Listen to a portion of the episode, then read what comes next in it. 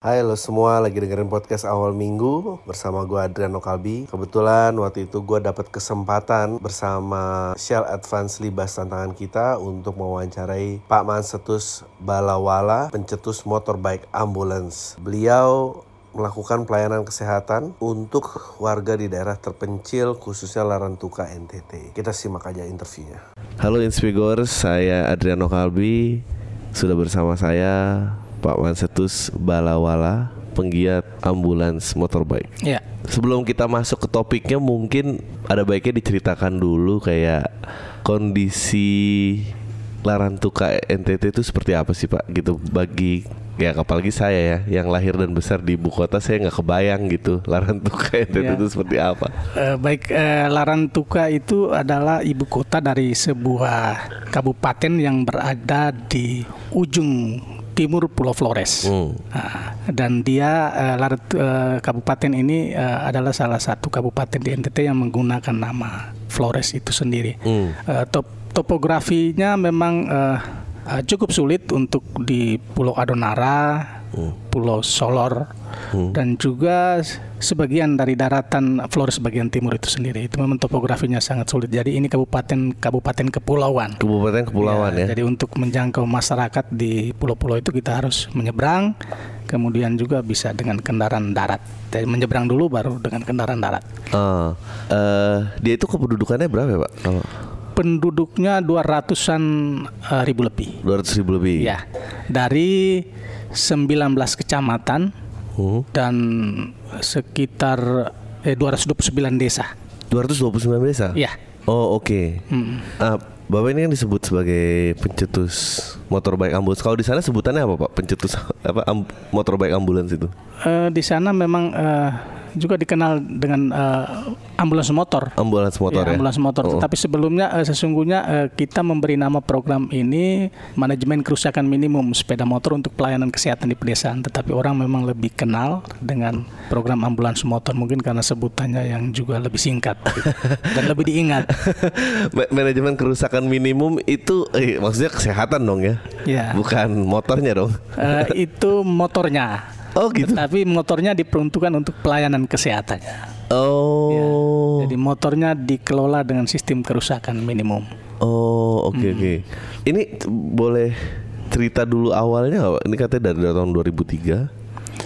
Eh, memang awalnya itu dari tahun 2000. Jadi kenapa eh, kami melakukan inisiatif ini? eh, ada dua hal yang menginspirasi saya sesungguhnya. Eh, ketika kita terlibat dalam sebuah masalah, maka kita harus berpikir bagaimana kita bisa mengatasi masalah itu. Itu yang eh, membuat ide eh, ini eh, dilakukan. Itu yang pertama eh, sekitar tahun 80-an saya melihat wabah diare yang menyerang penduduk di desa saya dan desa tetangga. Di situ setiap hari eh, saya menyaksikan eh, banyak eh, bayi balita yang memang meninggal karena memang tidak ditolong sama sekali. Oke. Ya, fasilitas kesehatan jauh dari desa kami, mungkin sekitar 15-an kilo dan itu eh, praktis saat itu komunikasi juga belum ada sama sekali, jalannya juga sangat eh, jelek, sehingga memang masyarakat hanya mengandalkan jasa dukun kampung untuk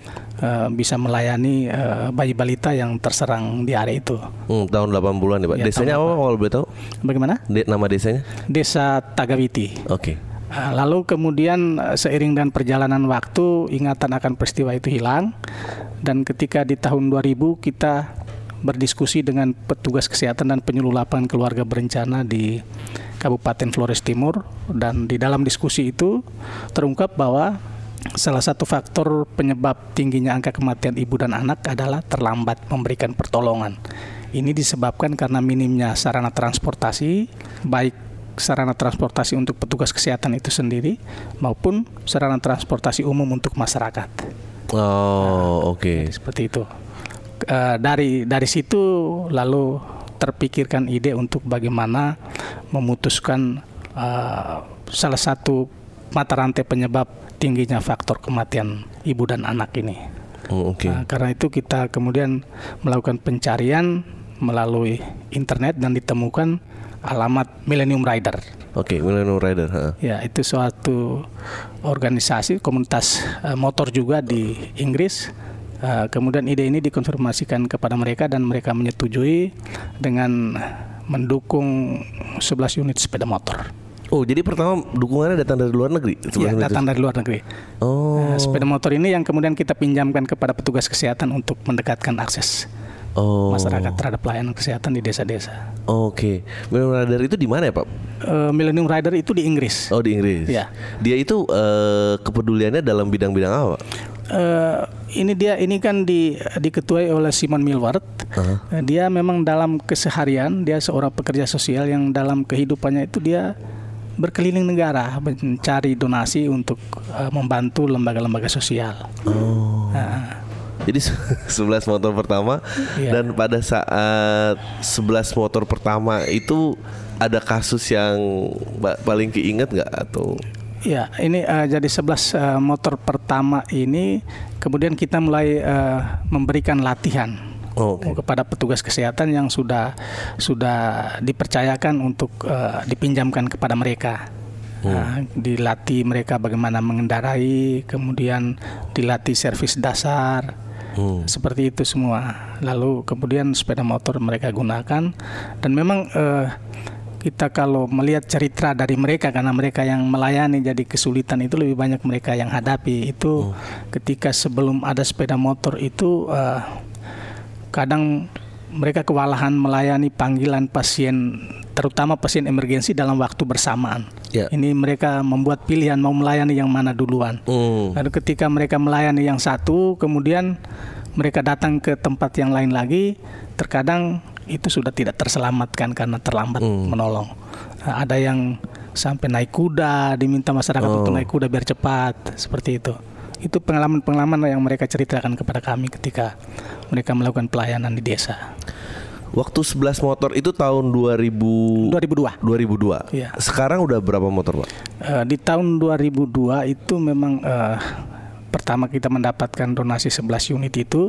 Kemudian dalam perjalanan ada petugas kesehatan yang namanya Ibu Eti. Uh mhm. -huh. Itu dia kesulitan untuk uh, mengendarai sepeda motor yang trail itu yang besar. Oh, Akhirnya kita beli ya, sepeda betul. motor uh, kecil satu, sepeda motor bebek. Bebek. Dan kita beli bekas juga hmm. untuk dia. Hmm. Jadi jumlahnya jadi 12. Kemudian dalam perjalanan juga ada bantuan lagi 10 unit. Hmm. Uh, jadi uh, 10 unit itu ada juga yang yang lama kalau sudah tidak bisa digunakan lagi maka kita lelang hmm lalu uangnya dipakai untuk kembali beli yang baru semacam itu jadi ada hmm. regenerasi ya, terus ya, ya, ya. kendaraannya tapi kalau boleh tahu sekarang jumlah motor yang beroperasi sekarang jumlahnya 10 Oh jumlahnya 10 Jadi ya. uh, yang, regenerasi bolak-balik Pembaharuan ya, dan segala macam ya. Dan nanti mau di pembaharuan itu ada 11 unit hmm. Yang mau di ada Sekarang sudah ada di kantor Tinggal diluncurkan saja. Daerah cakupannya seberapa luas Pak kalau kepulauan? E, kami hanya mencakup empat kecamatan dari 19 okay. kecamatan yang ada. Karena memang keterbatasan armada sepeda motor jadi kami mm. itu. Itu juga kecamatan yang ada itu juga di pulau. Okay. Ada di Pulau Solor yang uh, jarak tempuhnya terdekat itu dari titik terdekat bisa 45 menit. Uh -huh. Itu yang laut saja. Nanti baru dengan darat itu kadang lebih lama. Okay. Uh, kemudian di Pulau Adonara dengan titik terdekat itu ada jarak tempuhnya lima menitan juga ada untuk untuk penyeberangan okay. laut. Tapi itu dengan resiko yang cukup tinggi. Uh, saya saya berusaha membayangkan situasinya gitu. Uh, jadi misalnya saya menderita penyakit uh, pemesanan dilakukan melalui telepon. Apa eh, kalau dalam hal-hal tertentu juga mereka bisa melakukan eh, melalui telepon. Uh. kalau mereka sudah punya nomor kontak petugas kesehatan yang bersangkutan maka mereka bisa langsung kontak saja ke petugas kesehatan. Ada juga yang memanggil saja. Hmm. uh, memanggil memanggil petugasnya. Oh, petugasnya. Oke. Okay. Ya. Dalam sehari gitu panggilan ada berapa kalau misalnya? E, kalau cerita pengalaman mereka e, karena panggilan itu tidak langsung dilakukan kepada kami, tetapi okay. melalui mereka. Melalui mereka. Dari cerita pengalaman mereka itu kadang tiga kali itu untuk e, itu untuk untuk yang emergensi. Memang kadang juga hmm. tidak ada. Hmm, betul. Ya, tapi ada pelayanan reguler juga yang mereka lakukan. Hmm. Selain pelayanan-pelayanan yang bersifat uh, panggilan. Dan itu kasusnya pasti beraneka ragam. Ya kasusnya Juga ya. beraneka ragam. Ada yang eh, terutama ibu yang melahirkan dengan kasus pendarahan, Ya. misalnya itu semua. Hmm. Itu yang memang sangat eh, riskan. Sebelum Bapak menjadi penggiat ini, sebelumnya sudah aktif di komunitas-komunitas motor apa emang Saya Bagaimana? tidak tidak aktif di komunitas motor sebelumnya. Memang eh, saya bekerja di media, Oh bekerja di media ya Se- sebagai Pak sebagai wartawan. berapa tahun Pak? Eh, saya kalau eh, freelance dari 2005, tapi kalau ya wartawan tetap di media dari 98. Hmm, oke. Oke, sekarang 10 motor petugas kesehatannya boleh tahu berapa lelaki berapa perempuan? Petugas kesehatannya ada dua perempuan. Dua perempuan. Ya. Berarti yang dua bebek tuh ya? Ya, Sekarang sekarang, yang yang ke motor sekarang ini bebek semua. Oh, bebek Yang besar semua. cuma satu. Yang besar cuma satu. Yang kembali yang sekarang sudah ada tapi belum penempatan Mhm. itu besar semua. Oke. Jadi kalau yang besar untuk wilayah-wilayah yang lebih sulit lagi gitu, Iya. Pak. Ha, Tetapi kami berupaya agar perempuan juga harus bisa mengendarai sepeda motor besar itu karena memang dia bekerja di wilayah yang Betul, sulit. betul, ya. betul, betul. Nggak boleh ini ya. Ya, dia harus tetap dilatih. Untuk kerusakannya gitu paling banyak kenapa Pak? Iya. Untuk motor-motor? Eh, kami karena kelolanya dengan sistem kerusakan minimum itu jadi kerusakannya itu eh, memang sangat jarang terjadi. Mhm. Palingan kalau pecah ban itu hal yang eh, saya pikir itu Lumrah hal ya? yang biasa sekali Biasa. ya. Eh, jadi karena setiap eh, jarak tempuh tertentu mereka harus bawa ke bengkel untuk diservis. Mhm. Jadi sudah ada standarnya macam 2000 kilo dia harus datang lalu apa yang dilakukan membersihkan karburator, saringan udara, kemudian mengecek ketegangan rantai dan sebagainya. Setiap 6000 km businya harus diganti. Ini semua kita lakukan untuk menjamin kesiapan sepeda motor itu eh, bisa dioperasikan kapan dan di mana saja bila dibutuhkan untuk pelayanan kesehatan. Tapi akses untuk spare part sesulit akses untuk kesehatan nggak Pak? Apa? Akses untuk spare part sebenarnya tidak sulit. Tidak sulit ya? Ya, tetapi harganya yang memang kami kesulitan menjangkaunya. Jadi kami biasanya mengambilnya di Maumere di kabupaten tetangga itu harganya sedikit eh, lebih murah daripada di tempat eh, kami berada di Larantuka. Jadi kami bawa dari sana datang selain untuk eh, mengganti motor-motor kami yang dioperasikan di lapangan kalau memang ada hal yang rusak, tapi juga kita jual ke publik Hmm. ah, untuk bisa mendapatkan dana yang bisa digunakan untuk biaya operasional. Ini kita mengkot perkataan Pak Mansetus. Pangan yang menyembuhkan tidak berguna jika mereka tidak bisa mencapai yang membutuhkan. Boleh diceritakan sedikit Pak waktu keluar dengan statement ini? Ya, ya. Memang ini yang eh, saya melihat eh, kondisi di lapangan bagaimana masyarakat eh, itu sangat membutuhkan layanan kesehatan, sangat membutuhkan kesembuhan bila mana dia sakit. Tetapi hal itu terkadang sulit dia dapatkan bukan karena eh, petugas kesehatannya itu tidak ada, tetapi fasilitasnya yang jauh dan petugas kesehatannya itu juga eh, tidak selamanya harus ada di desa mereka. Dan itu kadang sulit dia dapatkan. Sehingga menolong dengan cara seperti eh, yang kami lakukan dengan mendekatkan akses mereka kepada layanan kesehatan itu hal yang sangat membantu bagi kami dan saya juga teringat dengan eh, kata-kata Presiden Liberia yang mengatakan bahwa sebuah negara itu berkembang bila ibu bertahan hidup. Untuk itu kita perlu membantu untuk ibu-ibu tetap bertahan hidup. Apa ada ininya nggak Pak? Hasilnya sebelum ada program ini dan sudah program ini korban jiwa berkurang berapa gitu? Ya itu kalau eh, sebelum program ini yang kami masuk awal di tahun 2000 2002 itu angka kematian bayi balita cukup tinggi. Itu eh, angka persisnya saya tidak ingat tetapi dia sekitar 70-an untuk Kabupaten Flores Timur. Tetapi sekarang di daerah program itu kematian eh, untuk tahun kemarin kematian ibu tidak ada sama sekali. Kematian bayi balita hanya ada satu Oh, oh luar biasa. Ya, ya. jadi memang eh, eh, tentu kita berupaya, tetapi memang kematian itu takdir Tuhan ya. Iya. Tapi eh, setiap tahun pasti juga kadang ada, kadang tidak ada, tetapi bahwa angka itu ditekan serendah mungkin. Betul betul. Apalagi untuk menangani penyakit-penyakit yang bisa disembuhkan sifatnya kan. Iya, iya. Ya nggak nggak kebayang ya saya yang di kota besar gitu ngeliat gini kayak oh bukan suatu hal yang menjadi concern gitu. Ya, Apakah ada penyakit tertentu yang mewabah atau Ya kalau di sana eh, kadang eh, demam berdarah itu selalu berdarah. ada, kemudian eh, diare juga kadang ada. Eh, tetapi dari data kesehatan yang kami miliki itu biasanya di setiap wilayah itu punya karakteristik tersendiri. Jadi eh, ada wilayah yang mungkin dari eh, 10 peringkat penyakit itu mungkin malarianya di atas, ispanya yang kedua. Tetapi ada di wilayah lain ya ispa di atas, malaria di urutan kedua, ketiga. Tetapi tren itu berubah ketika tahun-tahun bela- belakangan ini eh, banyak daerah yang sudah mulai bebas, eh, bukan bebas, tetapi kasus ispa dan malarianya itu berkurang jauh. Ada kami lihat di wilayah kerja itu ada tren yang lebih tinggi itu justru hipertensi misalnya. seperti Oh itu. Ya berarti eh, apa kebiasaan masyarakat itu juga sudah Iya. berubah ya. Ya. Saya berusaha membayangkan situasinya. Jadi pada saat panggilan dilakukan eh, perawatan dilakukan di tempat atau memang membawa pasien lagi kembali Eh, ke rumah sakit. ada dua pilihan, bisa dilakukan di tempat dan bisa dibawa ke fasilitas kesehatan. Eh, Mm-mm. Sekarang eh, dengan 10 motor ini menjaga kondisinya sulit apa tidak?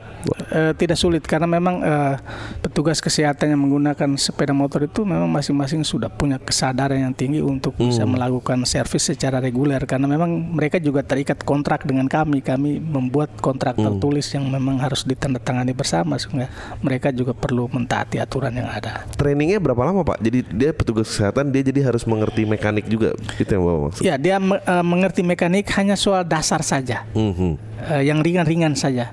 Jadi eh, pelatihannya eh, palingan berlangsung dua hari atau tiga hari. Jadi eh, pelatihan mengendaranya rata-rata kebanyakan sudah tahu, sehingga tinggal eh, kita memberikan apa me- melatih mereka itu dengan standar yang kita miliki.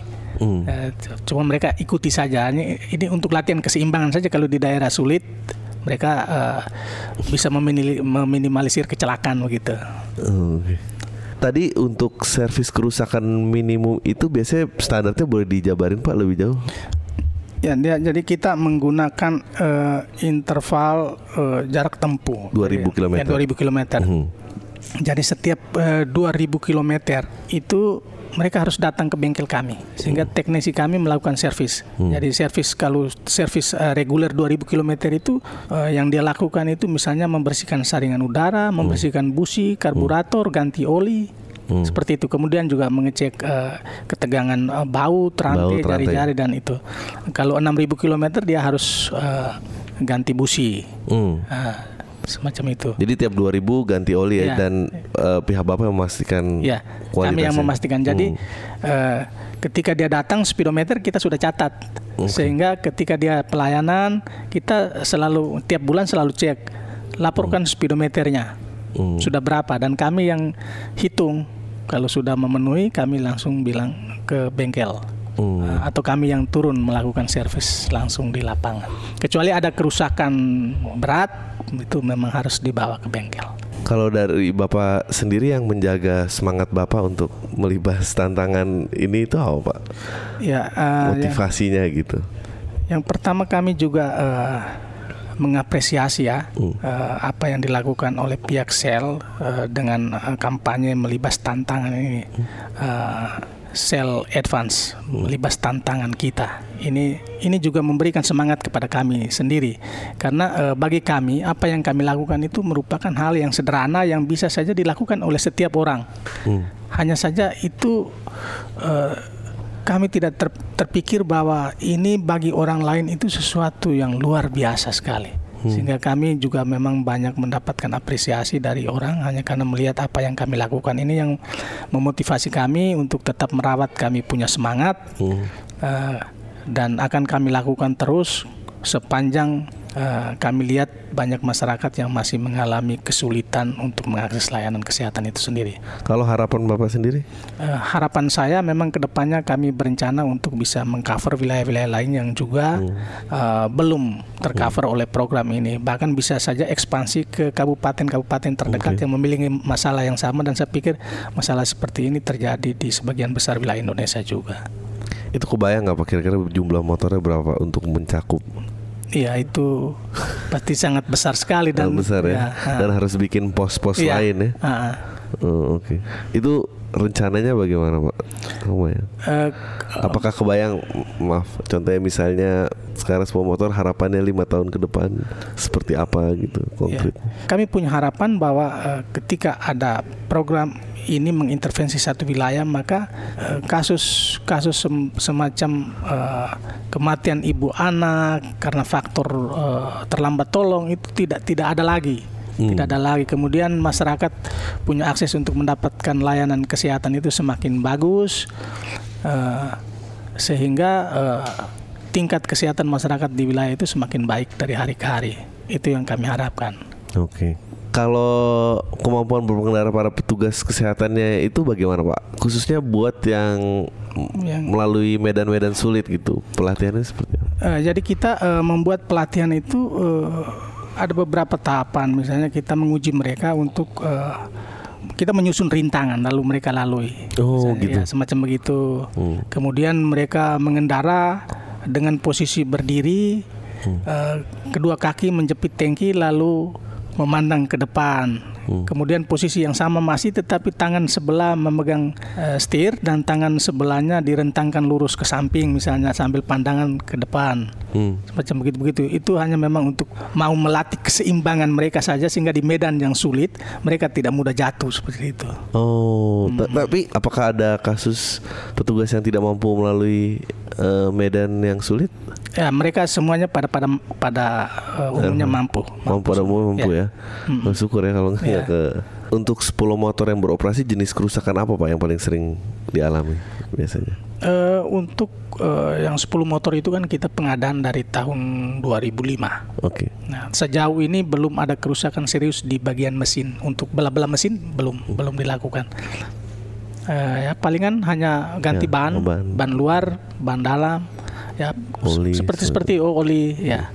Jadi hanya itu pecah ban barangkali itu memang hal yang wajar. Tetapi untuk kerusakan di dalam mesin itu memang belum ada. Tapi kalau mencari spare part itu sulit apa? Eh, mencari spare part sesungguhnya tidak sulit. Tidak sulit. Ya, karena memang tersedia juga di sana. Cuma harganya yang memang agak sulit dijangkau. Harapan untuk menjangkau seluruh wilayah Larantuka gitu Pak Mansetus eh, inginnya bagaimana Eh, rencananya? untuk mengcover eh, wilayah lain yang memang belum tercover oleh program ini, maka kami eh, hal pertama yang perlu dibutuhkan itu eh, armada sepeda motornya harus eh, ditambah. Tapi ini memang agak eh, sulit untuk kami. Dan kami berharap bahwa ini ada perhatian dari berbagai pihak untuk boleh membantu kami armada sepeda motor itu untuk bisa mengcover itu. Kemudian ada satu lagi yang saya mau katakan untuk eh, rujukan cepat melalui laut itu kita harus butuh semacam ambulans laut Hmm. karena dia wilayah kepulauan untuk kasus-kasus emergensi yang perlu dirujuk ke rumah sakit maka dia membutuhkan kecepatan waktu itu yang memang belum ada jadi ambulans laut itu juga hal yang kami butuhkan Terima kasih.